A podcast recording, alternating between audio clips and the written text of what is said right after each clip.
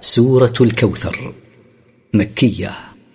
من مقاصد السورة بيان منة الله على نبيه صلى الله عليه وسلم بالخير الكثير والدفاع عنه.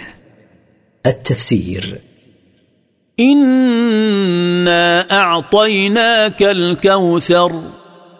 إنا آتيناك أيها الرسول الخير الكثير ومنه نهر الكوثر في الجنة.